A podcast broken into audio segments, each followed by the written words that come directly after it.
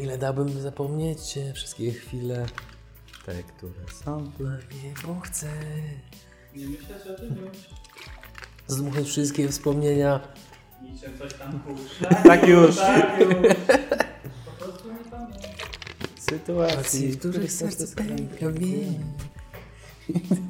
Partnerami kanału są 3QQ, inwestycje w dochód pasywny z nieruchomości, Gonito, Twoja droga na Amazon, Pol Rentier, w końcu skuteczne ubezpieczenia oraz pracownia krawiecka Karola Włodarskiego, Der Red. Linki do partnerów w opisie materiału. Dzień dobry, witamy Was w kolejnym odcinku Przygód Przedsiębiorców. Tym razem naszym gościem jest y, Kamil Michalik, działający w branży nieruchomości na terenie Wrocławia.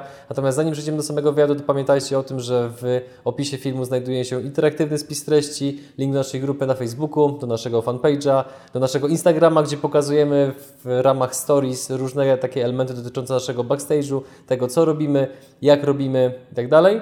A dla tych z Was, którzy nie do końca lubią formę wideo, wolą na przykład y, słuchać nasze odcinki w ruchu, wyprowadzając psa na spacer, idąc z dzieckiem czy jadąc samochodem, to przypominamy, że jest, jesteśmy również dostępni w formie podcastu. Natomiast nie przedłużając, zaczynamy. To standardowo na sam początek, dla tych, którzy Cię jeszcze nie znają, przedstaw się naszym widzom i powiedz, czym się zajmujesz zawodowo. Nazywam się Kamil Michalik, prowadzę firmę 3QQ. E, Inwestujemy w nieruchomości na wynajem, e, tworzymy gotowce inwestycyjne, czyli mieszkania, które są celowo adaptowane do, do wynajmu. I jak długo to robicie? Z samymi nieruchomościami jestem związany od 7 lat. Pierwszą nieruchomość na wynajem kupiłem na mm, 7 lat temu. E, Natomiast jako marka 3QQ działamy od lat kilku, czterech. Mhm. W jakie liczby mniej więcej opisują Wasz biznes, jeżeli chodzi o skalę działalności? Ciężko mi powiedzieć, bo jest to na etapie administracyjnym, czyli e, dziewczyny, które, które obsługują bezpośrednio najemców, e, pewnie mają to w jednym paluszku.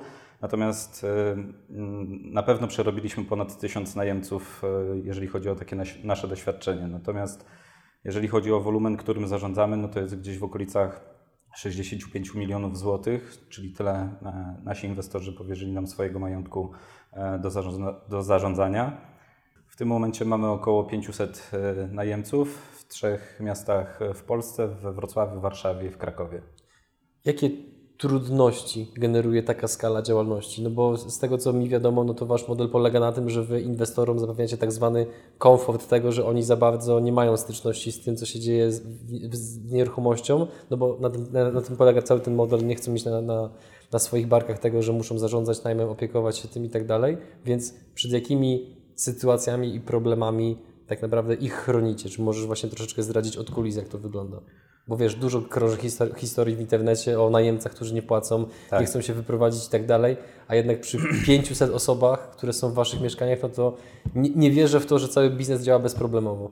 Tak, e, niestety e, w Polsce mamy prawo takie, jakie mamy, że prawo stoi po stronie najemców i ja na przykład ze swoim poziomem wiedzy mógłbym spokojnie mieszkać co najmniej przez dwa lata i nie płacić komuś czynszu i sprytnie się kamuflować. E, Natomiast faktycznie najem jest takim mieczem dwusiecznym, bo z jednej strony potrafi nakarmić, a z drugiej strony też może, może zrobić pewne szkody. E, I oczywiście też się zabezpieczamy. No, na co dzień cze- czego zaoszczędza, zaoszczędzamy naszym inwestorom to, to eksmisje, braki płatności, właśnie weryfikacja tych najemców, e, reakcja na usterki. E, Jest to naprawdę przy tej skali. Są to dwa etaty dla, dla, dla dwóch osób, które, które obsługują tylko takie zdarzenia związane z, z samym, samymi najemcami. Którą historię, jakby taką problematyczną, pamiętasz najbardziej? Wiesz co, chyba y, pierwsza eksmisja, którą mieliśmy taką eksmisję na, na twardo, my to nazywamy, czyli, czyli wiedzieliśmy, że już musimy kogoś eksmitować. Oczywiście to nie jest eksmisja na tle administracyjnym, na zasadzie wezwań, e, wymiany papierków, listów i tak dalej. Jest to, jest to po prostu zakończenie współpracy, polubowne zakończenie współpracy, gdzie najemca sam zrozumiał ewentualnie swój błąd i sam zadecydował, że, że mniejsze konsekwencje będzie miał, kiedy sam się wyprowadzi. E, I faktycznie to, to było kilka lat temu. Mieliśmy jedną dziewczynę, która mieszkała w jednym z pokoi. E, Przeszła przez cały proces weryfikacji, e, wpisywała się w nasz jakby profil najemców, e, tych, z którymi chcemy współpracować, natomiast miała jedną, e, jedną taką, mm, jeden problem, o którym nam nie powiedziała. Problem był natury alkoholowej, czyli leczyła się e, z alkoholizmu i faktycznie gdzieś tam na spotkaniach meetingowych poznała kogoś, z kim poszła w, w melanż i, i, i faktycznie od, od tygodnia czasu nie dostaliśmy, nie, nie wychodziła z pokoju. Zadzwoniła do nas inna współlokatorka, że faktycznie e, ta dziewczyna wygląda naprawdę bardzo źle już i, i, i wymaga, e, potrzebuje pomocy. E, Wtedy faktycznie była to taka pierwsza sytuacja stresująca, gdzie musieliśmy zadziałać prężnie. Naszym celem było to, żeby właśnie dziewczyna też oczywiście przeżyła i ktoś się nią zajął i, i żeby dostała opiekę. Natomiast jakby z naszego punktu widzenia tutaj pod kątem biznesowym zależało nam na tym, żeby zwolniła przedmiot najmu, czyli, czyli ten pokój, który, który wynajmowała. Co zostaliście w środku w pokoju, kiedy tam weszliście? 17 butelek krupnika, opróżnionych oczywiście, przypaloną e, sofę, e, wiadro z wymiocinami. E, zastaliśmy ją i właśnie tego pana, bratnią duszę, która, e, która została poznana na tych spotkaniach meetingowych. E, Prawdopodobnie ten pan był jakiś poszukiwany, nie wiem, chyba listem gończym, bo e, jak nas tylko zobaczył, to wystrzelił w tempie światła na zewnątrz, tak jak stał na boso, uciekł po prostu z tego mieszkania. E, No ta dziewczyna też tak zaczęła rozumieć, co się dzieje, jeszcze taka zamroczona, wzięła, wzięła piwo i też w piżamie próbowała opuścić mieszkanie i no nieprzyjemny widok, nieprzyjemny smród. e, No musieliśmy ten pokój doprowadzić do, do stanu pierwotnego, e, odmalować, uzupełnić ewentualne uszkodzenia i wpuścić nowych najemców. No i teraz właśnie jak to wygląda pod takim kątem technicznym? Kto płaci za takie właśnie ewentualne uszkodzenia? No, w tym wypadku, jeżeli uszkodzenia, uszkodzenia, zniszczenia powstały z winy najemcy, to oczywiście koszty ponosi najemca. Natomiast e, jeżeli zepsuje się pralka, lodówka w mieszkaniu i takie mieszkanie ma 5-6 lat i po prostu ten sprzęt już się wysłuża, no to zawsze jest to koszt właściciela, inwestora. Aczkolwiek też mamy taki swój wewnętrzny mini, mini fundusz remontowy, e, jakąś drobną kwotę z czynszów mrozimy, e, wrzucamy sobie na osobne subkonto i takie drobne mm, usterki typu jakaś awaria kranu, wymiany jakichś pierdół na mieszkaniu, to oczywiście finansujemy z własnej kieszeni, tak żeby oszczędzić e, kontaktu z inwestorem i oszczędzić im e, stresu i nie inicjować jakiegoś takiego e, zamieszania. Powiedziałeś, że początkowo ta dziewczyna wpis, wpisywała się w wasz profil najemcy, więc czym ten profil jest i w jaki sposób jakby go w ogóle stworzyliście, że stwierdziliście, że ok, chcemy tylko i wyłącznie klientów tego typu, no bo jednak przy tej skali 500 osób, no to musieliście dodać, jakby dokonać bardzo ostrożnego wyboru, żeby się nie pomylić, żeby potem tych, te błędy was po prostu i te, te, te usterki no, nie przytłuczyły zwyczajnie. Tak, bardzo duży nacisk kładziemy właśnie na weryfikację najemców i odpowiednią ich segmentację. I są trzy grupy najemców, e, które my sobie stworzyliśmy. Pierwsza grupa najemców to są e, najemcy, którzy oczekują bardzo wysokiego standardu nieruchomości w takich prestiżowych, w nowym budownictwie, w topowych lokalizacjach. e, Potrafią zapłacić więcej, natomiast jakby roszczeniowość, oczekiwania ich też są zdecydowanie większe. E, Taką pośrednią e, grupą są to najemcy, którzy oczekują jasnych, schludnych wnętrz, głównie w standardzie e, IKEA. Mm, I to jest właśnie, właśnie ta grupa, z którą my współpracujemy we Wrocławiu, czyli są to młode, sympatyczne, pracujące umysłowo osoby. Mówiąc pracujące umysłowe osoby, mam tu na myśli wykluczenie pracowników budowlanych, bo pracownicy budowlani to jest z kolei ten trzeci segment najemców, to są kwatery pracownicze, to jest akurat ten segment, z którym my nie chcemy współpracować. Czyli my współpracujemy we Wrocławiu, w Warszawie z segmentem tym pośrednim, czyli młode, mm, pracujące osoby u dużych pracodawców. Mam tu na myśli Nokia, IBM, parki technologiczne, e, głównie środowisko informatyczne. E, I ten segment, e, segment najwyższy, czyli, czyli ludzie, którzy mają duże oczekiwania, oczekują wysokiego standardu. Są to też głównie pracownicy korporacyjni, ale to pewnie Michał będzie, będzie o tym więcej mówił. Wróćmy totalnie do początków Twojej działalności. Opowiedz nam o tym, jak wyglądał proces kupna pierwszej nieruchomości. E, tak, ja wtedy e, pracowałem w korporacji, w zasadzie współpracowałem z korporacją, bo to taka była forma zatrudnienia, czyli musiałem założyć swoją działalność gospodarczą i wtedy e, ta przedsiębiorczość gdzieś została mi e, wpojona i zaszczepiona, była to konieczność, czyli założyłem działalność gospodarcza i realizowałem usługi dla jednego z e, operatorów sie- sieci telefonii komórkowej. E, I faktycznie prowadząc działalność gospodarczą e, miałem dochody, natomiast e, miałem przychody, natomiast wiadomo jak to przedsiębiorcy nie, nie, zawsze lubią płacić podatki, więc robiłem wszystko, żeby tych podatków nie płacić albo optymalizować pod kątem kosztów, więc tej zdolności kredytowej nie miałem. Dlatego pierwszą nieruchomość na wynajem kupiłem na zdolność kredytową swoich rodziców. To nie była nieruchomość do najmu z zamysłem wynajmu, tylko była taka nieruchomość, w której ja miałem zamieszkać. Zamieszkałem w tej nieruchomości z własną narzeczoną. Po pewnym czasie ta nieruchomość okazała się za mała, jak to w standardowym modelu przeciętnego Kowalskiego. Przydałoby się mieszkanie trzypokojowe. Natomiast sytuacja mm, w kontekście tego mieszkania dwupokojowego, tego, które kupiliśmy na moich rodziców, była taka, że deweloper nie dokończył tej budowy, gdzieś e, miał problemy z papierami e, i blokowało nam to możliwość sprzedaży tej nieruchomości. Więc ją wynajęliśmy i chcieliśmy, ją, e, chcieliśmy obserwować sytuację, jak będzie to się kształtowało do momentu, kiedy deweloper faktycznie zrobi porządek z papierami, ukończy inwestycje i będzie tą nieruchomość można sprzedać. I wtedy zauważyłem, że jest to bardzo fajne, bo rata kredytowa wynosiła mm, powiedzmy chyba wtedy 700 zł, a czynsz z najmu wynosił 1400 zł, więc oprócz tego, że jeszcze miałem obsłużoną ratę kredytu, zostawała mi e, delikatna górka co miesiąc, e, którą gdzieś sobie tam e, mogłem zagospodarować na własne, na własne cele. No i pomyślałem sobie, kurczę, fajnie, trzeba to wyskalować i, no i tak później każdą możliwą złotówkę i swoją zdolność kredytową pakowałem właśnie w kolejne nieruchomości na wynajem. Czyli ten jakby zobaczenie tej różnicy, która była takim no, nie do końca dochodem pasywnym, bo się tym, tym sam, sam, oczywiście zajmowałeś, ale to, to był główny bodziec, który doprowadził do tego, że stwierdziłeś, że chcesz iść tą drogą? Tak. E, dużo wcześniej już słyszałem o takim dochodzie pasywnym e, i szukałem jakichś takich rozwiązań, między innymi tamtych czasach jeszcze nie był to taki okres, w którym było bardzo dużo szkoleń, właśnie jakichś audiobooków, e, tego wszystkiego, co mamy teraz dostępne.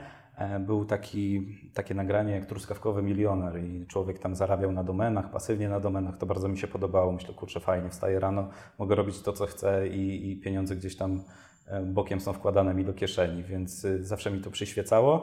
Natomiast nie zawsze wiedziałem, że to będą nieruchomości. Wyszło to zupełnie przez przypadek dzięki właśnie temu deweloperowi, który miał problemy z odbiorami, gdzie cały blog odbierał to jako wielką rozpacz, bo pobrali ludzie kredyty, a nie mieli własności. Natomiast ja w konsekwencji uznaję, że, że dobrze, że to się zdarzyło, że, że jednak miał takie perturbacje po drodze.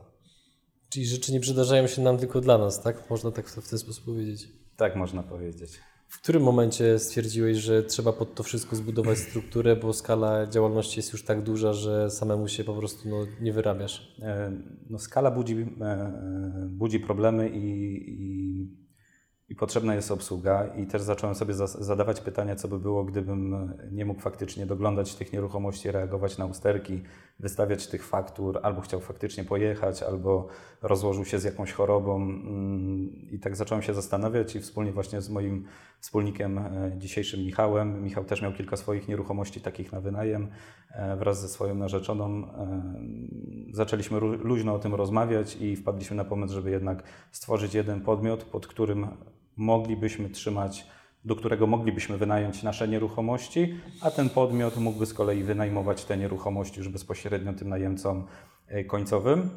E, jakby główny zamysł był taki, że ja wiem wszystko o Michała nieruchomościach, wiem gdzie one są, mam do nich klucze i mogę zadziałać w momencie jego nieobecności albo niemożności doglądania. E, no i vice versa, w drugą stronę faktycznie on dbał o te moje nieruchomości. Co spowodowało, że zdecydowaliście się otworzyć na inwestorów? No bo nie budowaliście firmy z zamysłem tego, że e, tak jak teraz dopuszczacie zewnętrznych inwestorów do tego, żeby z Wami współpracowali. Z tego co pamiętam z jednego postu na Facebooku jest w tej chwili ich łącznie około 95, tak? Więc jakby który, kiedy pojawił się ten moment, że stwierdziliście, dobra, zapraszamy również innych do stołu e, i, i, i dzielimy się tym naszym know-how, naszym modelem działania? Um Nie zanotowałem takiej konkretnej daty, kiedy to było. Tak, e, chyba Martin Lewandowski też tu wspominał, że czasem nie widzi, jak to dziecko, które stworzył, rośnie i u nas było bardzo podobnie. E, też nie zauważyliśmy tego momentu, kiedy mieliśmy raptem 50-60 najemców, teraz przerobiliśmy ich ponad 1000 e, i, i, produkujemy takie mieszkania dla innych ludzi, którzy przychodzą i chcą z nami współinwestować, czy, czy kupić sobie po prostu taką, takie mieszkanie na wynajem i, e, i mieć stałego pewnego najemcę przez, przez okres 10 lat. I faktycznie tego nie zanotowałem. Natomiast to mm, pączkowało, tak bym to nazwał, bo najbliżsi nam ludzie, czyli ekipy remontowe, nasi znajomi widzieli, jak to działa, jak działa ten model, więc zaczęli sobie zadawać pytanie, co muszę zrobić, żeby, żeby też mieć taką pierwszą nieruchomość na wynajem i tak powoli dokładaliśmy takie, e, takie klocki. Później weszliśmy już w fazę mm, for, e, for, przepraszam, grup na Facebooku, gdzie e, grupy łączyły właśnie ludzi, którzy, łączą, którzy inwestują w nieruchomości i tam była duża wymiana tych kontaktów. Pojawiły się spotkania networkingowe, pojawił się kapitał właśnie z zewnątrz, który mogliśmy inwestować e, w kolejne nieruchomości na wynajem. E, no i doszliśmy do tego momentu, że w tym momencie mamy zaparkowanych powiedzmy takich gotowych mieszkań, które można od nas kupić i podpisać gotową umowę najmu nawet na okres 10 lat na, na poziomie 50 czy 55 milionów złotych w tym momencie. Kim są Wasi inwestorzy? Nasi inwestorzy to e, my, nasi znajomi, znajomi, znajomi naszych znajomych, e, lada moment pewnie Wy, ludzie, z którymi współpracujemy, ludzie, którymi się otaczamy, mam tu na myśli e, ludzi, ludzi, z którymi współpracujemy na co dzień, czyli doradca kredytowy, e, fotograf, właśnie Wy panowie, no i oczywiście inwestorzy tacy, którzy gdzieś śledzili nasze działania w internecie, chociaż nigdy mocno tam nie, nie afiszowaliśmy się, nigdy nie wydaliśmy ani złotówki właśnie na marketing i zresztą też przy współpracy z Wami zauważyłeś słusznie, że żyjemy w takim internetowym i marketingowym średniowieczu. E, to też nam wiele pokazało. Niemniej jednak ci ludzie też zaczęli do nas trafiać właśnie z poleceń naszych zadowolonych inwestorów, bądź też wyszukiwali e, gdzieś w internecie firmy, która mogłaby e, opiekować się cudzym mieszkaniem, ich mieszkaniem, już właścicieli. I dopiero później na przykład dowiadywali się, że u nas mogą kupić już taką gotową nieruchomość, która, że tak powiem, leży u nas na półce. Głównie są to Polacy, natomiast też Polacy mieszkający oczywiście w Polsce. Jest to Polonia, czyli ludzie, którzy mieszkają właśnie w Niemczech i, i głównie w UK. E, natomiast Piotrek w Warszawie obsługuje też inwestorów z Izraela i z Francji. Natomiast Michał, no to głównie Skandynawia ze względu na, na położenie właśnie trójmiejskie. Mhm. Jakie są plusy i minusy generalnie Waszej działalności? Nie ukrywam, że zwłaszcza interesują mnie minusy z tego powodu, że też niejednokrotnie spotykałem się z różnymi znajomymi, którzy mm, jakby obserwuję taki trend, że jakby wiele osób jest trochę sceptycznych, jeżeli chodzi o nieruchomości. Być może z tego powodu, że o tych nieruchomościach wszędzie się słyszy, wszyscy te nieruchomości kupują, więc jakby oczywiście to nie musi być prawda, tak? No bo to może być znowu jakieś takie nasze zawężenie percepcji, że jak chcemy kupić sobie Fiata Punto, to wszędzie nagle widzimy Fiaty Punto. Więc jak, jakie są plusy i minusy tego, co wy robicie? No na przykład u mnie w rodzinie, jak e, wchodzi temat nieruchomości, to nikt nie inwestuje, a też mi się wydaje, że cała Polska inwestuje w nieruchomości. Sądzę, że właśnie skupiamy tam uwagę e, w, tą, w tą materię, którą się zajmujemy i faktycznie jak moja narzeczona była w ciąży i, i, wszędzie widzieliśmy kobiety z wózkami i auta typu kombi, e, no bo gdzieś tam tą uwagę właśnie skupialiśmy. E, natomiast e, faktycznie odkąd pojawił się Facebook, internet i, i branża szkoleń, w internecie mamy teraz wiedzę dostępną w formie audiobooków czy płatnych szkoleń, to faktycznie pewnie więcej osób inwestuje w te nieruchomości. No inwestuje, bo, bo, bo jest to świetna, świetna forma inwestycji w coś, co jest bardzo bezpieczne bo jednak ten majątek mamy zabezpieczony na nieruchomości. Możemy to kupić na kredyt, czyli nasz biznes może być oparty na finansowaniu bankowym, który jest chętnie udzielany przez banki. Banki chętnie dają kredyty hipoteczne czy kredyty inwestycyjne. E, no można to skalować, więc to też jest cholerny plus. My na przykład w swojej firmie wprowadziliśmy model abonamentowy, czyli to jest dla mnie największy plus w ogóle tego całego modelu e, wynajmu. E, U nas najemcy przychodzą i kupują sobie abonament na mieszkanie, tak jak idziesz do operatora sieci komórkowej i kupujesz telefon na abonament.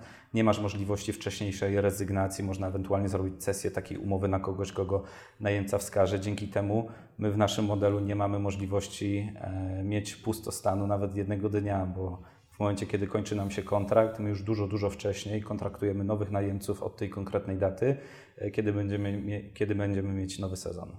Co powoduje, że najemcy są skłonni podpisać taką umowę?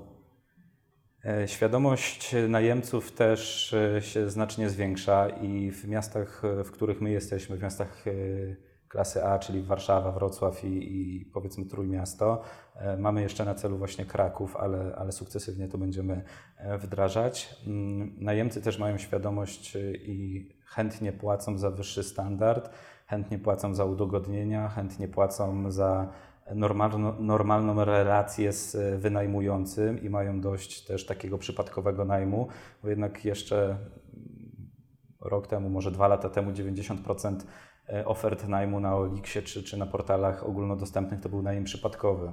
Czyli przeciętnemu Kowalskiemu umarła babcia, dostał mieszkanie w spadku i wynajmował to mieszkanie, no bo nie mógł go sprzedać, bo wyższy podatek przez 5 lat i tak dalej, i tak dalej. Więc, więc e, ten standard, nazwijmy babciny w stosunku do standardu IKEA, plus to, że ktoś wystawia fakturę, to, że reaguje na usterki, to, że e, to, że ma jakieś udogodnienia, na przykład w formie e, sprzątaczki, która przyjedzie na mieszkanie i to mieszkanie posprząta, no to Czyli są pewne bonusy po prostu, które z pew- tego wynikają, tak, tak, z tej- z tak. umowy. Mhm, rozumiem. A jeżeli chodzi o minusy, to jak na przykład byś odniósł się do tego, że powiedziałeś, że można użyć finansowania bankowego, więc co na przykład w sytuacji, jak zareaguje branża, czy jesteś w stanie jakoś sobie powiedzmy e, wyobrazić, jak zareaguje branża, jeżeli- na przykład stopy procentowe zostaną podniesione? Warto robić e, finansowanie bankowe właśnie z, z głową i e, nie finansować nieruchomości na 100 czy na 110%. Oczywiście teraz są rekomendacje, które mówią, że wkład własny jest wymagany, natomiast jest szereg pomysłów, jak ludzie to obchodzą. Natomiast jeżeli ktoś chce czuć się bezpiecznie i e, patrzy długoterminowo na tego typu e, inwestycje, to faktycznie musi mieć na względzie, że stopy procentowe pójdą prędzej czy później pójdą w górę. Co za tym idzie, rata kredytowa też pójdzie w górę, więc należałoby sobie zostawić taki, formę takiego buforu, e, który docelowo będzie się zapinał z przychodem, tak? czyli rata kredytowa będzie tożsama z przychodem, że nie będzie musiał do tego biznesu dokładać. Mhm. A jak w tym wszystkim, jakby jakie są zagrożenia dla inwestorów gotówkowych?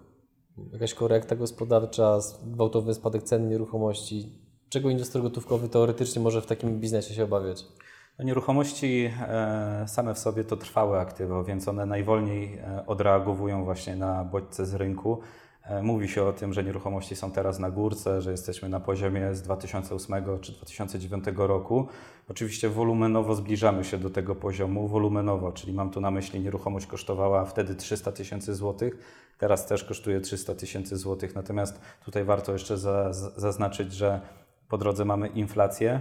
E, I, I dzisiaj te 300 tysięcy złotych to już jest inną kwotą i siłę, nabywcza, siłę nabywczą pieniądza. Wtedy też ludzie inaczej zarabiali, to było 10 lat temu. Teraz średnia krajowa wynosi, nie wiem, 3,5 tysiąca złotych brutto. Nie pracuję na etacie, więc nie wiem, E, ale, ale wtedy było być może to, nie wiem, 1200 złotych. Tak? Także jeszcze te nieruchomości, które, mm, jeszcze ten moment nie jest tym momentem i te ceny nie są na tym poziomie, e, które mieliśmy w 2008 roku. E, No i warto też tutaj jakby porównywać się do krajów zachodnich, mam tu na myśli Niemcy, UK czy nawet e, kraje skandynawskie, gdzie te ceny nieruchomości są dużo, dużo, dużo wyżej niż, niż jeszcze w Polsce. Więc jakby samych takich zagrożeń tutaj oczywiście może być jakaś korekta e, na rynku. E, I my też z premedytacją i z pełną świadomością wybraliśmy ten segment najmu, który oferujemy. E, Czyli oferujemy mieszkania małe, budżetowe, czyli kawalerki, maksymalnie mieszkania dwupokojowe, bądź też pokoje na wynajem, czyli są to duże mieszkania, które zostały podzielone na pokoje i wynajmujemy poszczególny pokój jednemu najemcy. I teraz, teraz rozważaliśmy taki scenariusz, co się dzieje w momencie, kiedy mamy korektę, kiedy mamy spowolnienie na rynku gospodarczym. E, No, następuje degradacja Twojego stylu życia. Jeżeli masz mniej, pieniędzy w portfelu, no to siłą rzeczy nie będziesz wynajmował już apartamentu w Sky Towerze, jeżeli Cię nie będzie na niego stać, tylko przeniesiesz się do mniejszego mieszkania, na przykład dwupokojowego. No i analogicznie ludzie, którzy mieszkają w mieszkaniach dwupokojowych, być może będą musieli się przenieść do jednego z w mieszkaniach wielopokojowych, więc tutaj też upatruję trochę szansę dla nas, że, że jednak e, ten segment najmu w tym konkretnym obszarze, w którym my działamy, czyli pokoje, mieszkania budżetowe, kawalerki, mieszkania dwupokojowe, będzie e, zwiększony popyt właśnie na tego typu produkty. Zawsze jak robimy wywiady z gośćmi, to bardzo mnie to ciekawi. Mm, takie, takie elementy, które są niespotykane w cudzym biznesie, które wynikały z jakiejś kreatywności, obserwacji, odwagi i wydaje mi się, że u Was taki element również występuje, czyli między innymi e, właśnie gwarancja czynszu, którą oferujecie. I to jest z mojej perspektywy rzecz rzadka i chyba no, niespotykana na rynku, no bo jednak słyszy się bardziej o zarządzaniu najmem, gdzie jak jest najemca, to inwestor dostaje pieniądze, ale jak tego najemcy nie ma, to tych pieniędzy również nie ma. Wy całą ten, ten, ten ciężar, odpowiedzialność i ryzyko tego, czy jest najemca, bierzecie na siebie. No i teraz pojawia się pytanie, skąd w ogóle się wziął ten pomysł i czy inwestorzy są gotowi jakby płacić za ten komfort, który zakładam, że kosztuje znacznie więcej niż klasyczne zarządzanie najmem. Tak, e, no my na tym e, też oczywiście zarabiamy, bo ten model biznesowy jest też po to, żebyśmy gdzieś e, ten zysk generowali. I faktycznie, jeżeli mamy mieszkanie czteropokojowe, każdy pokój wynajmujemy za 1000 zł, czyli przychodu mamy 4000 zł, plus oczywiście opłaty licznikowe, ale tego nie liczymy, bo to jest jakby koszt taki przychód i koszt neutralny.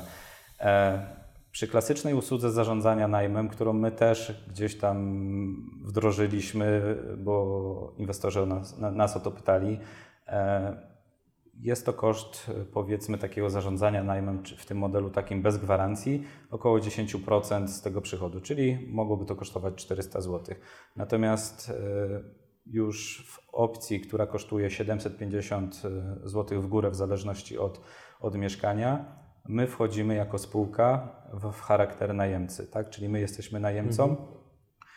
i niestety albo stety większość inwestorów chętnie płaci więcej o te 350 zł i ma święty spokój, bo wie, że czy my mamy najemców, czy nie mamy najemców, zawsze te pieniądze do 15 dnia każdego miesiąca kalendarzowego będzie miał na swoim koncie. Oczywiście to też jest e, ryzyko dla nas, że możemy mieć jakiś pustostan, natomiast my te pustostany, jakie możemy wygenerować, to tylko takie pustostany, które e, tworzą sytuacje losowe, tak? czyli jest najemca, wracał z zakupów, przejechał go samochód, no i faktycznie pieniądze na papierze mamy, natomiast fizycznie tych pieniędzy nie będziemy mieć. No ale oczywiście my to też kalkulujemy, to ryzyko w skali, e, w skali, w skali wszystkich mieszkań. Więc co było najtrudniejsze, patrząc z perspektywy czasu w Waszym biznesie? Mm, nie zanotowałem jakiegoś takiego momentu. E, my tą firmę tworzyliśmy przede wszystkim dla siebie, tak? czyli ja wraz z Michałem wynajęliśmy te pierwsze swoje nieruchomości właśnie do spółki. Później pojawiali się nasi znajomi, ktoś tam z boku, więc nie było jakiegoś zamiaru, żebyśmy byli spółką, e, która będzie obsługiwała milionowe inwestycje, tylko miała nam dostarczać komfort. E, więc nie zanotowaliśmy jakiegoś takiego momentu, który byłby najtrudniejszy, z którym mielibyśmy się zmierzyć i, i którego byśmy nie przeskoczyli. Po prostu robiliśmy to robimy to dalej tak samo, udoskonalamy pewne procesy i. E... Oprócz Ciebie grupę 3 kuku tworzą jeszcze trzy osoby, mam na myśli tutaj właścicieli. Teraz pojawia się pytanie, w jaki sposób się spasowaliście ze sobą, że się dogadujecie? No bo wiadomo, że mając jednego wspólnika, to już powoduje czasami pewne tarcia, nieporozumienia i tak dalej. A w przypadku czterech osób, no to ta skala rośnie jeszcze bardziej. Tak, zaczynaliśmy z Michałem. Z Michałem ja znam się od, y, od dzieciaka. E, no, Michał jest mega systematyczną osobą. Jest to, e, jest to sportowiec i człowiek, który nosi od 30 lat kaloryfer na brzuchu, to, e, to, to jest najlepsza wizytówka tego, że, że faktycznie jest osobą systematyczną. Ja z kolei jestem taką osobą, która lubi być w procesie, lubi wdrażać nowe, nowe elementy do, do firmy i nie zawsze byłbym w stanie skończyć pewne zadania, natomiast doskonale właśnie e, mnie Michał uzupełnia. No i Michał też jest osobą taką, która e, trzyma pieczę nad handlowcami, nad, nad naszym całym zespołem e, w kontekście samej obsługi tych, e, tych najemców. No i jest to taka osoba, która faktycznie niczego nie przepuści, niczego nie przeoczy i to też pewnie potwierdza się w jego takim sportowym zarysie i, i, i stylu życia. Co do Piotra, który mm, działa w Warszawie i Michała, który działa w Trójmieście, bo jest dwóch Michałów tak, w Waszej grupie. Tak. Trzeba wyraźnie zaznaczyć. Tak, mhm. tak. Michał Golasiński działa e, we Wrocławiu, Michał Walaskowski działa w Trójmieście e, i, i, i Piotrek Michalski działa w, w Warszawie. Piotr Michalski, e, poznałem go na jednym ze szkoleń, które, na które zostałem zaproszony w charakterze gościa, które realizowaliśmy właśnie z zakresu inwestowania w nieruchomości na wynajem i podnajem tworzenia gotowców inwestycyjnych. E, no i faktycznie bardzo mocno mi zaimponował i wiedziałem, że jeżeli będziemy rozszerzać się ze swoją działalnością na inne miasta i będzie to Warszawa, to, to musi być to ta osoba na tym miejscu i chodziłem za młodym chłopakiem, e, dwudziestokilkuletnim e, wtedy ponad rok czasu i namawiałem go właśnie, żebyśmy odpalili trzy kuku w Warszawie. Michał Walaskowski też był, e, był osobą, e, która przyjechała do nas na szkolenie e, i tam się poznaliśmy. Michał miał już duże zaplecze i duże doświadczenie z, obsług, z zakresu obsługi nieruchomości. Też bardzo dużo my od niego się nauczyliśmy, głównie tego rynku trójmiejskiego, który kompletnie zastrzelił nas cenami, które, które tam są i, i, tymi inwestycjami, które są tam realizowane, tym standardem, w jakim on wykańcza te mieszkania pod swoją grupę e, najemców. E, no i pojawiła się ta chemia. Zresztą zauważyliście pewnie dużo na co dzień jest śmiechu. E, natomiast są to osoby oczywiście merytorycznie przygotowane i osoby z doświadczeniem, bo zarówno i Michał, i Piotr mieli już pakiet swoich nieruchomości, które obsługiwali w tych swoich E, lokalizacjach, w których, w których mieszkali. No właśnie, powiedziałeś o szkoleniach e, i teraz też niejednokrotnie się spotkałem z opinią w internecie, gdzie złośliwi mówią, że tak, tak, branża inwestowania w nieruchomości, to tam się najlepiej zarabia robiąc szkolenia o inwestowaniu w nieruchomości. No i teraz jakbyś się odniósł do takiego właśnie zarzutu, który niektórzy internauci mają wobec e, szkoleniowców? Same szkolenia w sobie nie są złe, bo ja sam zapłaciłem parę lat temu kilka tysięcy złotych za dwa szkolenia, e, na które pojechałem i z tych szkoleń wyciągnąłem maksa. E, bardzo mi to dużo dało, dostałem komplet umów, e, jakieś takie rzeczy, których nie miałem na starcie. Natomiast było to szkolenie organizowane przez praktyka. Natomiast jest, odkąd mamy Facebooka, odkąd mamy grupę na Facebooku i spotkania networkingowe. Jest gro ludzi, którzy szkolą bez jakiegokolwiek kompletnego zaplecza e, praktycznego, tylko, tylko są teoretykami, e, co generalnie mi się jakoś nie klei, tak? A w jaki sposób taki uczestnik takiego szkolenia może zweryfikować, czy płaci te kilka tysięcy złotych praktykowi, czy jednak teoretykowi? No bo oczywiście, jeżeli płaci praktykowi, to nie ma żadnego problemu, ale jeżeli płaci teoretykowi, no to no coś tu się nie zgadza wtedy, nie? Przeważnie na szkolenia jadą ludzie, którzy nie działają w branży nieruchomości. Nie wiem, ktoś prowadzi sklep z rowerami nagle wpadł w internet, w filmik na YouTubie, e, jak inwestować w nieruchomości na wynajem, czyli jest kompletnie zielony w tej materii. Więc jadąc na takie szkolenie, e, dostajesz e, z reguły paczkę umów, czyli komplet umów, który z reguły kosztuje kilka tysięcy złotych, co już jest rekompensatą za bilet i cokolwiek by tam nie zostało powiedziane, to dla tych ludzi i tak i tak zawsze będzie inspiracją. E, I laik, czy ktoś spoza branży, bez jakiegokolwiek drobnego doświadczenia, takiego praktycznego, nie jest w stanie zweryfikować, czy uczy się od praktyka, czy uczy się od teoretyka. Sprzedajecie aktywa o bardzo dużej wartości. Często na początku oczywiście ludziom, których wy znaliście i tak dalej, więc te relacje były dość bliskie. Natomiast przy tej no, już ilości inwestorów, że jest ich około 100, to zakładam, że no, niektórzy z nich są już wam totalnie obcy. Więc w jaki sposób buduje się relacje, zaufanie z drugą stroną, gdzie na stole jest transakcja za pół miliona albo milion złotych? Żaden z inwestorów nie jest nam obcy, bo zawsze z tymi ludźmi rozmawiamy, umawiamy się w biurze, pijemy herbatę, kawę. My też nie chcemy współpracować z każdym, tak? Nie chcemy mieć ludzi, którzy nie potrafią rozumieć biznesu, że zarabiamy 750 zł na, na jego czynszach, ale dajemy mu szereg y, tych komfortowych usług.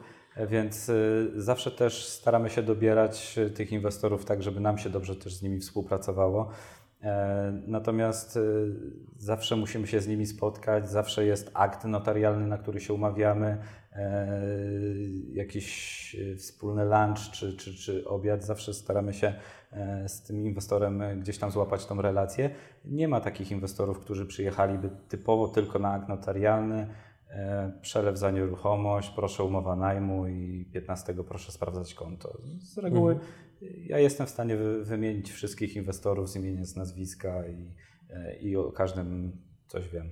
No, no właśnie, bo to żeby nie było niedopowiedzeń. Nieruchomość należy do inwestora. Tak. e, Pytam o tym dlatego, ponieważ no, w dobie piramid finansowych i innych tego typu e, Matryc. tak, matryc i dziwnych sytuacji, no to często się sprzedaje właśnie jakieś takie punkty, czy jakieś tam udziały, czy jakieś tam pakiety, srebrny, złoty i tak dalej, więc właśnie no, dlatego też tak próbuję właśnie wydobyć z siebie te informacje dotyczące szczegółów waszego biznesu, żeby oglądający mogli zrozumieć, w jaki sposób to wszystko działa.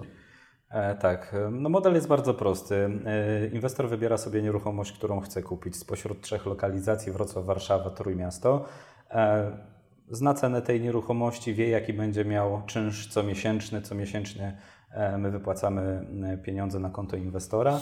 Umawiamy się na akt notarialny, inwestor przyjeżdża na ten akt notarialny, wpłaca pieniądze na depozyt notarialny, czyli nie na nasze konto, co też jest takim argumentem w kontekście bezpieczeństwa, czyli to notariusz jest bezpiecznikiem tej transakcji. Jeżeli do transakcji by nie doszło, notariusz odsyła te pieniądze. Natomiast zakładamy, że jest wszystko w porządku.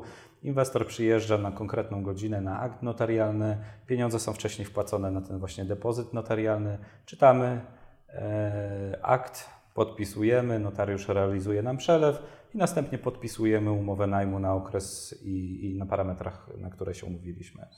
Powiedziałeś, że... Zawsze właścicielem jest Po, powiedziałeś wcześniej na temat swoich najemców, waszych najemców, że interesują was młode, sympatyczne osoby pracujące umysłowo. Tak, tak bardzo w ogóle zgrabny opis. No i teraz, czy macie podobny opis, ale na inwestorów? Bo powiedziałeś, że nie, nie chcecie współpracować z każdym, co też w mojej ocenie wymaga takiej pewnej odwagi, świadomości i, i, i takiego jakby tego, że wiecie, co robicie, no bo jednak jeżeli macie człowieka, który chce kupić towar, produkt, usługę o tak dużej wartości, no to trzeba mieć na, naprawdę te procesy poukładane, żeby oprzeć się powiedzmy tej pokusie, że komuś się nie sprzeda nieruchomości za 800 tysięcy złotych.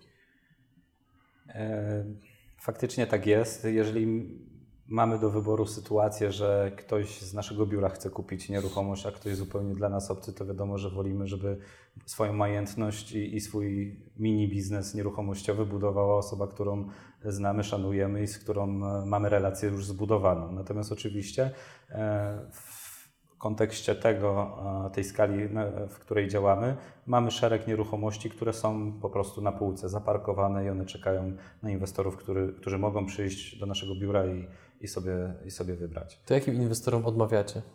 E, Na pewno nie chcemy współpracować z ludźmi, którzy mm, mają takie przerośnięte ego. Przyjeżdżam, mam pół miliona na koncie i proszę tutaj koło mnie skakać i, i, i, i chodzić. Tak? Staramy się dobierać ludzi podobnych do siebie, którzy znają wartość pieniądza, znają e, jakby ten koszt zarobienia tego pieniądza i, i faktycznie e, zadają dużo pytań na samym początku, bo sami boją się e, tego typu inwestycji. Jest to dla nich coś zupełnie nowego i w moim mniemaniu ktoś jak zadaje dużo pytań, to tym bardziej nie ma zamiaru Ciebie oszukać, a faktycznie no, działa to dwojako. My też możemy się umówić na okres umowy 10 lat, przez który będziemy zarabiać 750 zł miesięcznie, a może się okazać, że ktoś będzie dążył do rozwiązania tej umowy e, wcześniej, gdzie, gdzie, gdzie- gdzie kompletnie założenia były zupełnie inne. Powiedziałeś, że jeżeli chodzi o rozwój samego biznesu, to nie przypominasz sobie jakiegoś takiego żadnego trudnego okresu. Natomiast no, nie jesteś osobą, która ma 50 lat, już swoje przeżyła, jest ustatkowana, tylko masz 30, Jeden. 31, no właśnie. No i masz mimo wszystko styczność z pieniędzmi, które są ponadprzeciętne, jeżeli spojrzymy na powiedzmy średnią krajową i tak dalej. No to nigdy nie było takiego okresu sodówki u Ciebie? Był, ale to jeszcze przed nieruchomościami. E, To w momencie, kiedy pracowałem w korporacji, zarabiałem zawsze pięciocyfrową kwotę i faktycznie potrafiłem żyć z dnia na dzień i, e, i faktycznie ten okres już mam za sobą, całe ty- szczęście. Tak patrząc z perspektywy czasu, po czym poznać, że już ktoś właśnie jest w trakcie tej sodówki? Jakby pytam o to dlatego, no bo jak już Ty to przeszedłeś, a ktoś to w tej chwili przeżywa i teoretycznie nas ogląda, no to być może dzięki Tobie, temu co powiesz, wyjdzie z tego trochę szybciej i spali mniej mostów za sobą.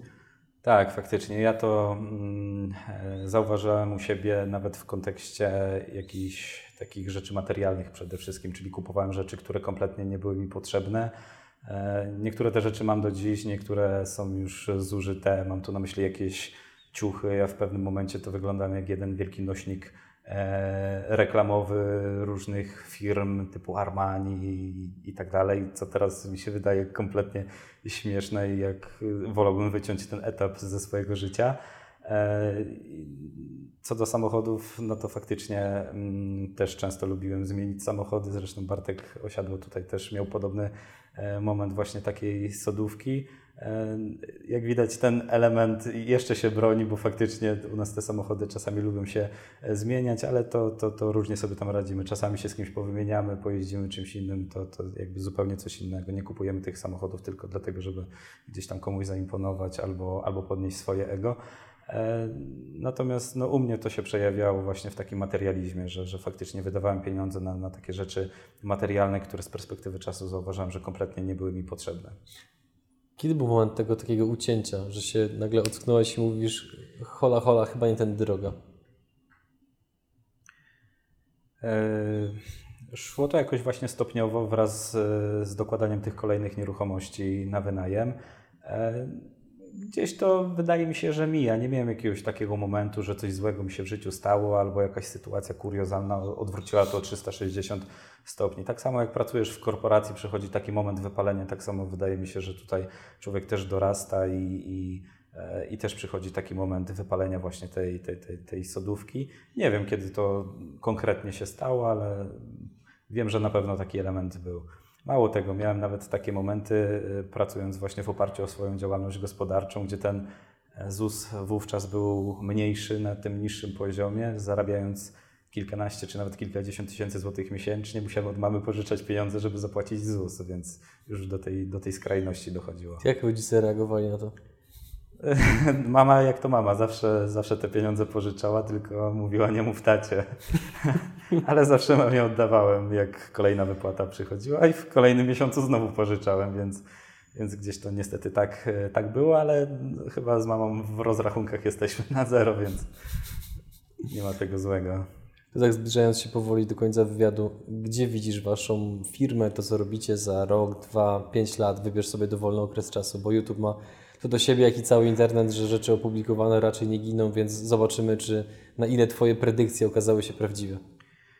E, Ciężko mi powiedzieć, bo nigdy takich pytań i założeń sobie nie zadawaliśmy. My tą firmę budowaliśmy typowo dla siebie, dla naszych rodzin, dla naszych znajomych, znajomych naszych znajomych, później dla ludzi dla nas kompletnie obcych, którzy teraz są naszymi znajomymi, więc nigdy nie mieliśmy żadnego takiego ciśnienia i parcia, żeby być największą firmą czy jakoś wycenianą e, na GPW gdziekolwiek. Tak? Także ciężko mi jest powiedzieć, natomiast e, przy współpracy z Wami teraz e, będzie marketingowo e, zupełnie inaczej, tak sądzę, więc e, faktycznie Parę rzeczy się zmieni. parę rzeczy się zmieni, tak też dużo od Was się uczymy, dziękujemy.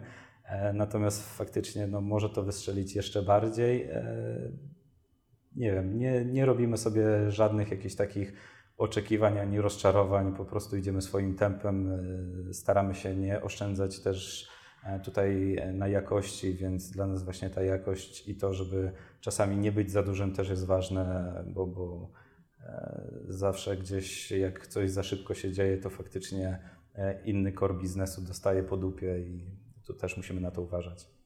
Kamilu, bardzo Ci dziękuję za poświęcony czas i za całą wiedzę, którą się z nami podzieliłeś. Tym bardziej, że wiem, jak bardzo stresowałeś się Tak. przed tym wywiadem i teraz Dziękuję. możesz powiedzieć na sam koniec, czy naprawdę było tak strasznie? Nie, nie jest strasznie, polecam każdemu. Zapraszam. Super, dziękujemy bardzo. Dzięki.